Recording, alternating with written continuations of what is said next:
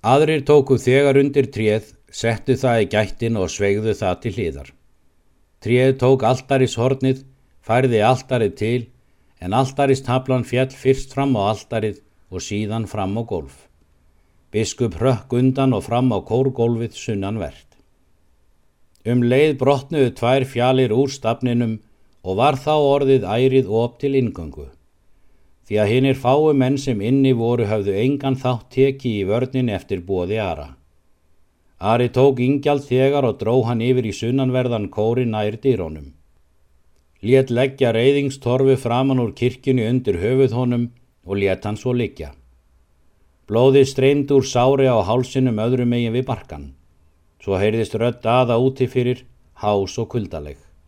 Nú skal ráða til yngöngu sveinar, því að nú er þar engin vörn fyrir. Svo ruttist hann innum gættin á undan hinum en nakið sverði hendi og Helgi Germundsson þegar á fætur honum og svo hver af öðrum. Biskup og Ari stóð á miðju gólfinu, biskup berhöfðaður með snjókvítt hárið og skeggið, lotin í herðum og svo dapur og dimmir á svip sem heil fordæming breytist um í brjósti hans. Ari teinn réttur og tígulegur, kaldur og dökkur eins og þetta væri örlaga dómur sem hann hefði vitað fyrir og ekki tjáði um að fást. Daði var vígmannlegur mjög, veifaði nöktu sverðinu í kringum sig. Hann skingdist kvössum augum um alla kirkjuna eins og hann væri að leitað einhverjum sem hann gæti skeitt skapi sínu á. En þá var eins og Jón biskup vaknaði af svefni. Hann snýri sér að daða og mælti alvarlega. Gef grið, daði. Kistu þá á hanska minn, saði daði kuldalega og rétti hendina út undan sér. Biskup snerti hana ekki, heldur begði sig aðeins fram yfir hana og kisti áttina til hennar. Hvernig átti Jón biskup Arason og hólum að kissa hönd á bannfærðu manni? Daði glotti við og mælti síðan. Hér hefur nú öðruvísi skipast en til var stopnaði fyrstu og hefur hér nú ræst til forðkveðna að ítla sest oft ofstopinn. Skulu þinn og sveinar taka þá feðga höndum og fara með þá inn og hafa strángan vörð á þeim. Hvar er síra björn? Síra björn er sár og liggur hér fyrir framann, sagði eitt biskupsmanna. Var nú runnið af honum ómeginnið, en æri var hann máttfarinn og döfur. Var hann nú reistur upp og stuttur fram. Síðan var rifið frá kirkjudýrunum og kirkjan opnuð. Var hurðin og framstafnin allt meir og minna brotið og bramlað eftir skotriðinu um daginn. Biskup var nú færður úr pressgrúðunum. Var skrúðanum kastað upp á alltarið en tveir menn tóku hvert þeirra feðga og leitu þá að milli sín inn í bæ. Kirkjan tæmdist nú óðum og var þegar auða mönnum. Þó var helgi þar eftir og þegar allir voru farnir gekk hann inn þangað sem bróður hans lág sem döður væri. Hann stóð innan við kórstafinn og horfi á hann undarlega eins og honu var í meira en um og ó að sjá hann. Langur blóðlækur lág eftir gólfinu frá hálsi hans og kvarf inn undir alltarið.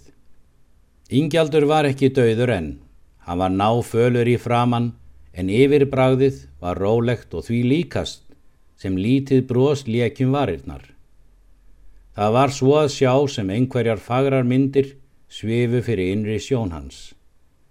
Hann hafði rifið frá brjósti sér og helt hægri hendinni inn í barminum.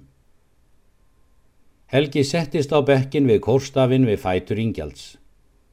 Hann starði framann í hann, harlegur og alvarlegur á svipinn. Engan vott viðkvæmrar tilfinningar var á honum að sjá. Hann var nú orðin ofan á. Nú var ekkert framar til sem stóð á milli Margreðar og hans. Nú var ingjaldur úr vegi. En það var þó ekki á þann veg sem hann hefði helst óskað. Þetta var þó bróðir hans en lág hér drepin fyrir fótum hans. Reyndar fannst honu nú að ingjaldur hefði fallið í ærlegum bardaga og þegar einhverjar tvær anstaðar stefnur berast á banaspjót er ekki annað eðlilegra en rekið geti að þeim vandræðum sem segir að bræður munu berjast og að bönum verðast. En það gata nú ekki breytt yfir að það var þó hann sem hér hafði orði bróður sínum að bana, saði samviskan. að hann skaut á mann sem var að bera vopna á þann að mönnum þeirra sem hafði reynsneim daða og honum þarfastur, var ekki nema eðlilegt og sjálfsagt. Ekki svo sem hann hafði ætlað sér beinlinis að drepa hann. Nei, gera hann óvígan, ekki meira. En banaskoti miða er þú nú á hann, samt, sagði samviskan. Það var aðeins augnabliks fát og annað ekki. Það er ekki svo gott að hnýtt miða nýður hvert handbragðið, þegar um líf og dauð er að tefla. Jæja, það hafa vist verið forlög ingjalds að deyja þarna. Það varð ekki að því gert. Engin má sköpum renna. En þér var sjálfrátt að láta vera að skjóta hann, sagði samviskan. En honu var skilt að koma í veg fyrir að hann dræpi einna sveitungum hans. En þið voru samt bræður, alnir af sömu móður og sama föður og vel saman í æsku, saði saminskan. En þegar einhver liggur þversum götuna fyrir öðrum, verður að stíga yfir hann og velta honum úr vegi og það þótt hann eigi að heita bróðirmanns. Það þarf ekki að drepa hann fyrir það, saði saminskan. Og þegar tveir keppum saman hnossið er engin annars bróður í leik. Svo börðust hugsanirnar í brjósti hans og hann glemdi tímanum og glemdi hvar hann var og starði aðeins með þungum hug á bróður sinn. En allt í einu rökk hann við. Hann sá að Ingjaldur dró hendina hægt út úr barmi sínum og bar hann upp að munni sér og honum heyrðist hann kvísla látt. Margrét. Hann sá að festi tvöföld lágur lofa hans og upp um hálsinn. Það var eins og Helgi var í stungin með spjóti.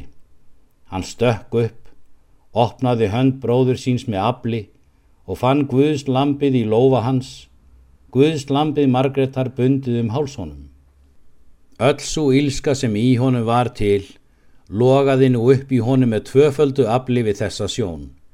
Hann rikti svo fast í Guðs lampið með hendinni að höfuð yngjals liftist upp og festin slittnaði. Um leið glendust upp augu ingjalds og það svo að allstar sá í heið kvíta í kringum steinana. Ískallt dauða glott komu um munnin. Þessu augu störðu með voðalegri skjelving og helga. En það var ekki nema snöggvast. Það dopnaði skjótt yfir þeim, þau sigur saman, höfuðið fjall aftur nýður á torfuna, glottið kvarf. Maglausir dauða drættir komu begja megin við munnin, Hendurnar fjallu niður á gólfið begja vegna. Þung hryggla heyrðist tvö eða þrjú andartök. Lítill kippur fórum allan líkamann og svo var þögn. Ingjaldur var dáinn. Margret hafði orðið sansbá. Hún hafði séð að það var blóð á milli þeirra bræðrana. Hún átti aldrei að fá að sjá hann aftur. Helgi stóð þarna agdofa með blóðugt guðslampið í hendinni. Hann var meir og minna blóður á fingrónum og lófonum af þessari síðustu viðreg sinni við yngjald. Þá kom aður þjótandu og másandi inn í kirkjunu og kallaði í mesta æsingi er hann sá Helga. Hvar er yngjaldur? Ég er allstar búin að leita að honum en finn hann hvergi. Helgi, Helgi, hvar er hann? Helgi stóði í kór dýrónum og svaraði af þjósti. Ég, ég veit ekki af honum, kemur mér ekki heldur við og hann gaut hortnuga til hlýðar til líksins og gekk síðan hart fram kirkjugólfið. Hann ratt svenka til hlýðar upp á milli sætana og ruttist út. En Sveit gekk alla leiðin í kórin og skingdist um. Hann vildi gá að hvað það væri sem Helgi hefði lítið til áður en hann fór út. En svo sá hann líkið.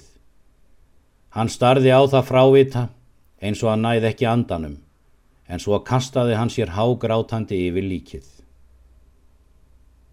Norðansvælan og þókur hrakningurinn nætti gegnum kirkjuna, svívirta, brotna og opna í báða enda. Altari var brotið, messuklæðin lágu á því eins og þeim hafði verið fleikt þar. Brotin altarist tablan, altarist stjakarnir og líki lágu þar á gólfinu. Svenki lág hágrátandi þar hjá líkinu og ofan á því til háls. Allt gólfið var meir og minna atað í blóði. Svívirðing eðileggingarinnar drottnandi á helgum stað. Það var komið um hádegi. Þau höfðu orði drjúg, morgunverkin á sögðafelli þennan dag. Fallið dómur, en hann hafði fallið allt öðruvísi en í fyrstu var tilstopnað. Síðustu borgfyrðingarnir voru að ríða burtu. Þokunni var að létta og sá til sólar.